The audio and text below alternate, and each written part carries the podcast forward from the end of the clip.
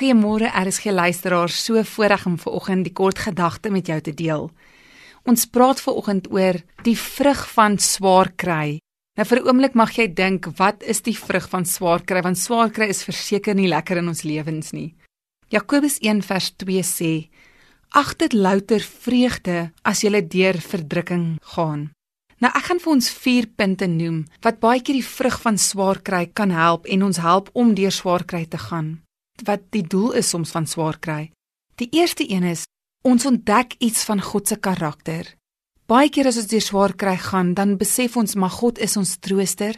Hy is ons voorsiener, hy is ons Vader en ons beskermer. Die tweede gedagte is as ons swaar kry, dan leer ons om tevrede te wees.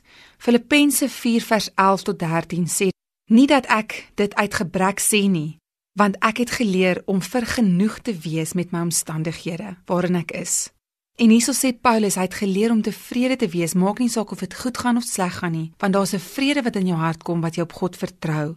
Die derde een is baie keer as ons deur swaar tye gaan, is dit juist dan wanneer ons geestelik groei en wanneer ons 'n geestelike honger kry vir God. Dis baie keer wanneer ons weer terug aan kerk toe, wanneer ons God begin soek en juist daai geestelike groei begin sien in ons lewens. Die vierde een is karaktervorming.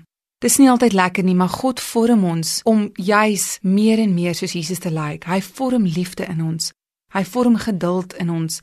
Hy vorm goedheid in ons om goeie mense te wees en in sy beeld te wees.